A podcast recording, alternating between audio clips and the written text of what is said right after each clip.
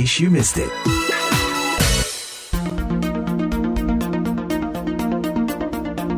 In case you miss it, Hari Anak Nasional Indonesia diperingati setiap tanggal 23 Juli. Anak-anak Indonesia antara lain diharapkan dapat menjadi pelopor sebagai agen perubahan dan pelapor melaporkan semua hal yang berkaitan dengan pemenuhan hak-hak mereka. Mengingat usia mereka, hampir selalu muncul pertanyaan, perubahan apa yang dapat dilakukan anak-anak? Semudah apa mereka dapat melakukan perubahan dan apa tantangan yang dihadapi anak-anak muda dalam aktivisme mereka? Saya Utami Husin berbincang dengan dua orang yang aktivitas mereka erat berkaitan dengan hal tersebut. Masing-masing adalah Ara Kusuma, Youth Year Manager di organisasi Ashoka Indonesia, dan Muhammad Fahri Azizur Rahman, pelajar kelas 3 SMA di Bengkulu dengan organisasi generasi anti kekerasannya. Berikut cuplikannya. Ara Kusuma, bisa Anda jelaskan lebih dulu mengenai Ashoka? Ashoka itu adalah organisasi nirlaba yang mendukung para wirausaha sosial secara internasional. Indonesia sendiri merupakan negara kedua di mana Ashoka itu didirikan pada tahun 1983, di mana kami mencari memang sosok-sosok inspiratif dan juga visioner yang ada di Indonesia yang mencoba menyelesaikan permasalahan itu pada taraf sistemnya. Jadi tidak hanya melakukan direct services atau mungkin donasi organisasi, tapi mengajak berbagai macam pemangku kepentingan itu yang ada di sistem tersebut untuk bisa mencari solusinya yang secara berkelanjutan. Di Indonesia sendiri, belajar dari para social entrepreneurs ini yang sudah dewasa. Ternyata mereka sudah memulai pergerakannya atau mulai melakukan sebuah perubahan di lingkungan sekitarnya itu ketika usia remaja. Rata-rata di bawah 20 tahun atau mungkin di usia 20 tahun yang masih muda, mereka sudah memulai pergerakan tersebut. Kami akhirnya meluncurkan juga program Ashoka yang Change Makers di tahun 2005 yang mencari anak-anak usia dari 12 dan 20 tahun yang sudah bergerak untuk meluncurkan sebuah solusi nyata bagi permasalahan yang dihadapi di sekitarnya. Fahri, Anda mengenal aktivisme sejak usia dini dan tahun lalu mendirikan organisasi generasi anti kekerasan. Bagaimana ringkasnya? Sejak aku SD, sekitar umur 6 tahun, aku udah menikmati proses belajar di suatu yayasan pusat pendidikan untuk perempuan dan anak. Kebetulan yang punya itu tanteku aku diajak belajar mewarnai, menggambar, terus belajar pencegahan kekerasan seksual dari dini seperti anggota tubuh apa sih yang nggak boleh pegang orang lain begitu pertamanya. Semenjak aku meranjak remaja sekitar umur 15 tahun, aku mulai kepo apa sih yang aku pelajarin dulu di Yayasan Pupa itu aku nemu satu tagline di Google Indonesia gawat darurat kekerasan seksual. Duh, aku langsung ajak diskusi nih tanteku namanya Bunda Susi. Gak taunya bukan Indonesia dari lingkup terdekat aku aja dari lingkungan sekitar aku aja Provinsi Bengkulu itu udah banyak sekali kekerasan seksual terutama remaja. Aku mulai aktif di Yayasan Pupa sebagai fasilitator anaknya mereka, mulai ikut-ikut event seperti aku kemarin tergerak juga di Jambore anti KPGO sama KSBE itu inisiasinya dari aku sama Bunda Susi. Kita berpikir nih bagaimana bisa edukasi remaja tuh yang asik terus bisa dimengerti. Akhirnya kita buat event kayak workshop gitu pesertanya tuh anak-anak SMP sama SMA semenjak itu aku berpikir aku nggak bisa kalau terus menerus di bawah arahan Bunda Susi. Aku nggak bisa semauku bilang ke Bunda Susi aku mau buat organisasi tapi isinya remaja semua. Karena aku yakin kalau remaja semua aku satu pemikiran dan aku bisa ngelaksanain program-program yang aku mau. Pada tanggal 22 September 2022 aku merilis this organisasi generasi anti kekerasan. Mulai saat itu aku mulai mencari open recruitment, anak-anak yang mau berkontribusi untuk pencegahan kekerasan seksual. Kebetulan saat itu lagi rame banget kasus tentang kekerasan berbasis gender online mm-hmm. sama kekerasan seksual berbasis elektronik kayak sexting, catcalling di online, morphing dan lain-lain. Urgent banget nih. Tanpa kita sadari, teman-teman kita banyak yang jadi korban dan banyak yang jadi pelaku. Dari itu, aku mulai ikut-ikut event nasional untuk membawa bekal aku untuk mengedukasi teman-teman kayak jadi fasilitatornya Save the Children, aku ikut Jambore Pelajaran Bangsa dari Marv Institute, terus aku juga ikut Asoka Dan kemarin aku uh, baru dinobatkan sebagai nominator toko anak inspiratif dari Komisi Perlindungan Anak Indonesia, tiga besar nasional. Aku harap organisasi ini bisa mengedukasi teman-teman dan meminimalisir kekerasan seksual terutama di Provinsi Bengkulu. Seperti apa sih potensi anak muda sebagai pembaharu di Indonesia? Di Indonesia sendiri kita 65 persennya itu adalah anak-anak muda. Jadi kalau kita tidak bergerak dan kita ini adalah uh, masa depan bangsa gitu. Kalau kita mau mencapai Indonesia emas di 2045, tentunya kita perlu mendukung anak-anak muda mulai dari sekarang untuk mereka bisa mengembangkan potensinya, untuk bisa mengasah empatinya, untuk bisa membuka ruang berkontribusi terhadap masyarakat itu dimulainya dari sekarang. Saat muda pun kita punya kreativitas, kita punya tenaga, kita punya kemampuan untuk berkolaborasi agar bisa meluncurkan solusi-solusi yang memang berpihak pada kebaikan bersama untuk masyarakat di sekitar. Mungkin Anda bisa sebutkan contohnya, Ara? Ada Ade di Surabaya. Dia saat ini duduk di kelas 2 SMA dan dia adalah siswa dengan disabilitas netra. Awalnya Ade senang membaca buku dan juga mengaji.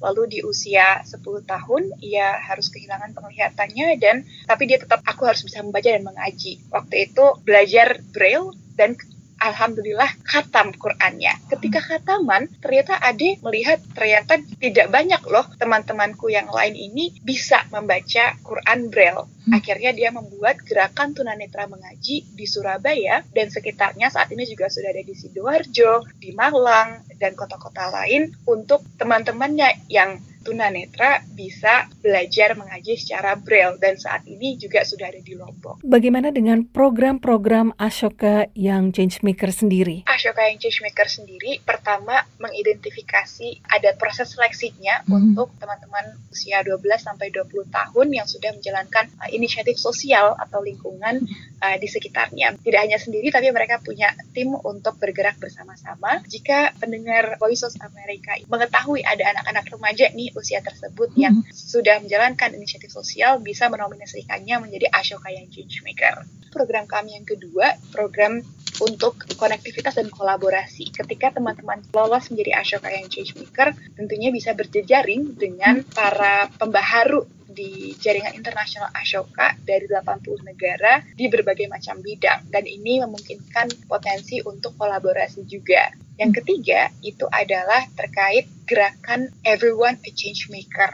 Masih segelintir anak-anak yang saat ini berhasil sudah meluncurkan solusi nyata untuk teman-teman di sekitarnya. Bagaimana kita bisa memastikan bahwa setiap anak muda hmm. bisa tumbuh dan berkembang dengan keterampilan change making ini? Untuk itu kita perlu mengajak orang-orang lain. Nah, anak-anak muda yang tergabung di Ashoka yang Changemaker ini merupakan co-leaders dan juga kolaborator gitu bagi hmm. Ashoka. Yuk, bagaimana caranya kita bisa mengajak teman-teman lain di luar sana, anak-anak muda untuk bisa menjadi change maker seperti ini juga. Salah satunya kami bekerja sama dengan jaringan sekolah di Indonesia. Salah satu yang terbesar adalah dari jaringan sekolah Muhammadiyah, punya pesantrennya Nadratul Ulama, hmm. juga jaringan-jaringan sekolah Katolik di bawah naungan Konferensi Wali Gereja Indonesia yang memang menaungi berbagai macam sekolah. Kurang lebih itu tiga program utamanya. Kalau gerakan anti kekerasan, Fahri, Oke, okay, jadi kita targetnya tuh kak anak-anak SMP sampai SMA. Jadi kita tuh kayak memakai prinsip konselor sebaya. Aku edukasi teman-teman anggota di organisasi generasi anti kekerasan. Terus kita buat pokja sesuai dengan tagline Asoka, Everyone a Change Maker. Hmm. Semua orang itu bisa membawa perubahan. Aku percaya banget dengan tagline itu. Aku edukasi teman-teman dekatku dulu, terus teman-temanku ini mengedukasi teman-teman lainnya. Untuk SD kita juga mengedukasi juga, tetapi tidak seluas tentang apa itu KBGO sama KSBE. Hmm. Mungkin kekerasan seksual yang dari dini seperti yang angkat tubuh apa yang tidak boleh dipegang orang hmm. lain, stop bullying, nggak boleh dirundung teman-teman, nggak boleh mengejek. Kita kemarin juga sempat buat survei anggota generasi kekerasan, terus teman-teman umum di Provinsi Bengkulu, kita mendapatkan 200 responses semenjak kamu sudah teredukasi tentang kekerasan ini, apakah kamu ada dampak baiknya? Jawabannya begini, iya, aku mendapatkan dampak baiknya dan aku juga bisa mencegahnya dari diri aku sendiri. Dan 68% sejak edukasi itu, mereka nggak pernah dapat kekerasan itu lagi, terutama kekerasan berbasis online dan kekerasan seksual berbasis elektronik. Kemarin kita juga fokus ke advokasi kebijakan peraturan daerah sama peraturan wali kota. Kita advokasi kebijakan sama DPRD Provinsi Bengkulu sama uh, wali kota Bengkulu dan alhamdulillah direspon baik oleh wali kota sama DPRD jadi kita minta adanya peraturan daerah sama perwalkot tentang kebijakan kekerasan seksual ini. Fahri apakah Anda juga memasukkan edukasi untuk teman-teman agar lebih berani jadi pelapor sesuai dengan tagline Kemen BPA kan menjadi pelopor dan pelapor. Jadi Fahri selalu mengajarkan teman-teman menggunakan prinsip LDR, lihat, dengar, dan rujuk. Jadi mereka kalau ingin melaporkan atau melihat kekerasan, step pertama lihat, melihat dulu kekerasan apa sih yang dialami oleh korban. Terus jikalau sudah melihat, kita boleh mendengarkan nih korban. Nah, mereka mau ber bercerita enggak kepada kita. Kalau ia ingin bercerita, kita mendengarkan dulu si korban Sebelum itu, jikalau kita bisa menyelesaikan dengan baik seperti melapor ke guru BK atau melapor ke orang terdekat dia deh. Nah, jikalau kita bisa menyelesaikan kekerasan yang alami korban itu, kita bantu menyelesaikan dengan cara kita sendiri. Jikalau kita tidak bisa, lanjut ke step ketiga yaitu rujuk. Rujuk seperti ke Yayasan Pupa tadi, terus ke DP3A atau ke Polsek dan lain-lain. Nah, jadi aku selalu ngajarin prinsip LDR itu kepada teman-teman konselor sebayaku agar mereka kalau melihat kekerasan mereka bisa nerapin prinsip LDR itu sendiri kak. Ara, tantangan apa sih yang dihadapi orang muda untuk jadi change maker? Jadi yang pertama itu biasanya yang dihadapi adalah stigma bahwa anak muda itu seperti gelas kosong atau setengah isi aja gelasnya. Jadi belum punya banyak uh, pengetahuan, uh, belum punya keterampilan yang mahir sekali, hmm. tapi kok kamu sudah mau bantu orang lain seperti itu. Jadi kayak kamu bisa apa sih ini anak muda gitu? Jangan sok tahu dong gitu. Jadi biasanya masyarakat bahwa oh, anak-anak ini masih perlu diajarin terus nih, tapi belum bisa berkontribusi. Itu salah satu tantangan yang memang dihadapi oleh teman-teman di Ashoka yang change makers. Yang kedua adalah bahwa pembelajaran itu hanya dapat dilakukan di sekolah. Artinya ketika mereka melakukan inisiatif sosial atau lingkungan yang di luar sekolah ini, hmm. beberapa orang menganggap ini mengganggu pembelajaran di sekolah. Hmm. Oh malah lebih banyak kegiatan di luarnya nih daripada belajar dan ngerjain PR. Hmm. Nah itu menjadi juga salah satu hal yang ada uh, terkungkung bahwa ah, anak muda itu kamu juga hmm. cuman harus sekolah aja ya udah titik hebat di sana punya nilai bagus hmm. sudah padahal saat ini di tengah dunia yang sangat tidak pasti ya banyak sekali perubahan-perubahan uh, baru yang terjadi ada keterampilan-keterampilan baru juga yang perlu diasah dan dipelajari oleh anak-anak muda dalam tumbuh kembangnya dan keterampilan itu salah satu halnya adalah keterampilan bagaimana mereka tidak hanya adaptif terhadap perubahan, tapi hmm. juga dapat memimpin perubahan tersebut menjadi agile dan juga menjadi ada entrepreneurial quality-nya untuk melahirkan hal-hal baru sesuai dengan perubahan zamannya. Ini terkadang tidak diakomodir di dalam pelajaran di sekolah. Untuk itu mereka perlu nih ada latihan baru, yaitu hmm. latihan menjadi pembaharunya ini yang bisa mengasah keterampilan tersebut. Kalau Anda, Fahri? Banyak tantangannya sih aku pernah menangin korban kekerasan juga terus aku sebagai teman dekatnya kan nggak terima gitu kan kak dan aku juga saat itu belum punya bekal untuk um, menyelesaikan dengan caraku sendiri dan akhirnya aku bantu ia merujuk ke polsek dan akhirnya aku ya yang malah dihina. Eh kamu masih kecil tahu apa tentang ini? Nggak usah nggak usah pulang-pulang. Jadi kayak diremehin gitu. Jadi akhirnya setelah itu aku mulai kayak ngadu terus ke bundaku. Gimana nih untuk korban kekerasan seksual terutama uh, anak-anak kan? Nah hmm. mereka malu gitu kalau mau ngerujuk sesuatu kayak dianggap najis gitu. Kalau teman-temanku bilang kalau korban kekerasan seksual gitu. Akhirnya UPA, uh, GAK dan Kominfo menciptakan suatu aplikasi yang menjadi sarana aman untuk korban kekerasan seksual terutama remaja. Nama aplikasinya itu Mela Lapor. Mela itu dari bahasa Bengkulu yang artinya ayo. Berarti ayo lapor. Jadi kita buat aplikasi kerjasama dengan Kominfo setempat kayak ada pedomannya bagaimana ingin melapor. Terus kalau sudah terlapor itu masuk di sistem kita dan kita rujuk ke sesuai instansi terkait. Kalau tantangan aku sering diremehin juga terutama teman-temanku. Kan kamu masih pelajar nih kok mau sih turun di perlindungan perempuan dan anak terus mau tentang kekerasan? Padahal dulu kamu juga suka kekerasan gitu sama teman-teman kita sekarang masih terus bersosialisasi dengan media-media atau bekerjasama dengan media partner kita seperti organisasi generasi berencana, forum anak, terus dengan pemerintah setempat juga terus bersosialisasi. Penggunanya sekitar berapa ya? Aku belum cek lagi untuk saat ini, tapi udah mulai dikenal sama anak-anak atau sebagai masyarakat Bengkulu juga udah mulai mengenal tentang aplikasi ini. Sebelum kita launching aplikasi, udah ada 12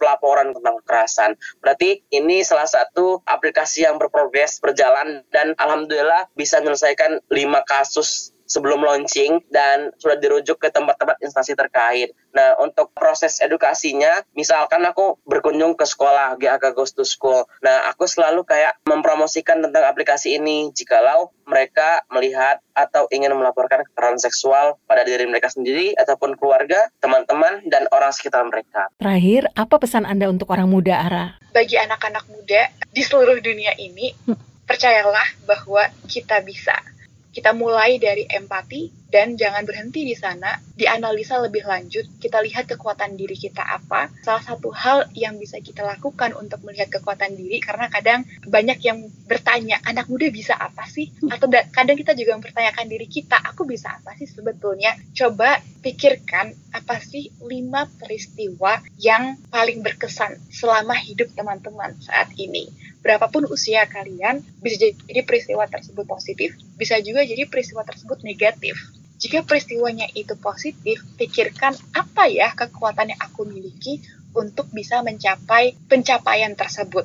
Hmm. Peristiwa positif. Jika peristiwanya negatif, coba pikirkan apa saja hal-hal yang kita punya, kekuatan diri kita untuk akhirnya bisa melalui peristiwa negatif tersebut. Nah, dari situ coba cari tiga kekuatan terbesar dalam diri kita yang bisa untuk dikontribusikan dan dikoneksikan terhadap masalah yang terjadi di sekitar kita. Jadi dari empati, analisa, dan bangun menjadi aksi, mari bersama-sama kita berubah untuk negeri. Dan Anda Fahri? Untuk anak-anak muda, selalu berjuang, jangan takut untuk mempelajari hal-hal baru, terus semangat, jangan putus asa, karena kita tahu, everyone a maker tadi, semua orang bisa membawa perubahan, jangan sampai kita tertinggal oleh orang-orang di luar, terutama orang-orang yang lebih tua daripada kita, kita sebagai anak muda harus menunjukkan karena kita adalah aset perubahan dunia. Untuk Hari Anak Nasional 2023 harapannya Indonesia menjadi lebih layak anak dan pemerintah juga lebih aware terhadap anak-anak. Anak-anak bisa mewujudkan empat hak dasarnya, hak partisipasi, tumbuh kembang, hidup, dan hak bermain. Harapannya Hari Anak Nasional 2023 supaya semua hak-hak anak itu terpenuhi dan bisa meminimalisir kekerasan seksual terhadap anak. Indonesia maju, anak terlindungi. Baik, terima kasih atas waktu Anda untuk VOA Washington dan sukses selalu untuk setiap aktivitas Anda ya.